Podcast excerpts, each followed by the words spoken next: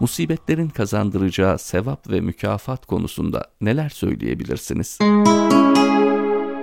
İbadetlerin ve musibetlerin ilahi mükafatları sabit değildir. Nasıl bir psikolojiyle, nelere rağmen, nasıl bir moralle ve moralsizlikle, hangi şartlarda yapıldığına göre değişir musibet ve ibadetlerin ilahi mükafatları. Hastayken kılınan bir namazın manevi karşılığıyla sağlıklıyken kılınan bir namazın karşılığı birbirinden farklıdır. Soğuk havalarda, zor şartlarda alınan bir abdestin değeri, sıcak havalarda alınan bir abdestin değerinden farklıdır. Şehitlik birkaç dakika süren bir sıkıntı ve zorluktur. Ancak bu birkaç dakika sıradan bir kişiyi bile veliler mertebesine çıkartabilir. Çok sancılı ve sonu ölümle biten hastalıklardaki sevap kimi zaman kişiyi evliyalık mertebesine, kimi zaman da günahkar bir kişiyi cehennemden kurtulma seviyesine kadar getirir. Bu hastalığı çekmesem, bu derdi yaşamasam da ölsem dedirten büyük acılar vardır. Bu derece büyük acıları sabırla karşılayan bir insan belki hayat boyu başını secdeden kaldırmamışçasına sevap kazanabilir. İftiraya uğramanın, fakirliğin, ihtiyarlığın,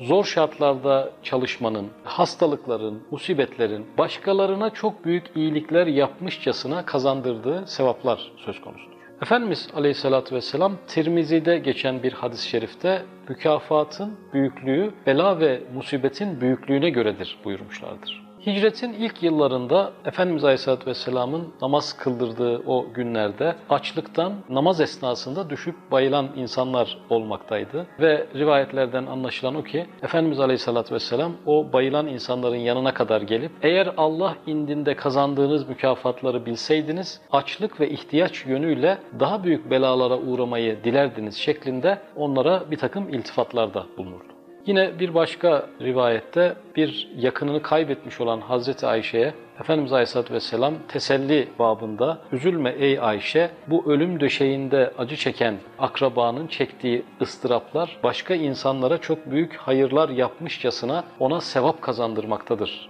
buyurmuşlardır. Bir başka hadis-i şerifte Efendimiz Aleyhisselatü Vesselam zahitlik kavramı için bir tanım yapar ve onu iki parçaya ayırarak ifade eder. Gerçek zahitlik Allah'ın elinde olana kendi elinde olandan daha fazla güvenmen ve bir musibete uğradığında getireceği sevaplar sebebiyle o musibete rağbet göstermendir buyurmaktadır. Evet, musibetler birer sevap kaynağıdır. Fakat sevap kavramı yeterince anlaşılmış bir kavram değildir. Ee, bir sevap, on sevap, yüz sevap, acaba bunlar neyin ölçüsüdür diye düşündüğümüzde biz bir şeyin bir birimini bildiğimiz zaman onun on birimini, yüz birimini de bilebilir. Fakat sevap kavramının bir birimi dahi anlaşılmadığı için insanlar bu kavrama karşı bir sempati içerisinde değillerdir. Bir metre yüz santimden oluşur. Biz bir santimin ne olduğunu bildiğimiz için yüz santimin ne olduğunu anlarız. Fakat biz bir sevabın ne olduğunu bilmediğimiz için yüz sevabın ne olduğunu anlamaktan uzaklaşmışızdır. Burada sevap neyin ölçüsüdür diye düşündüğümüzde tabii ki sevap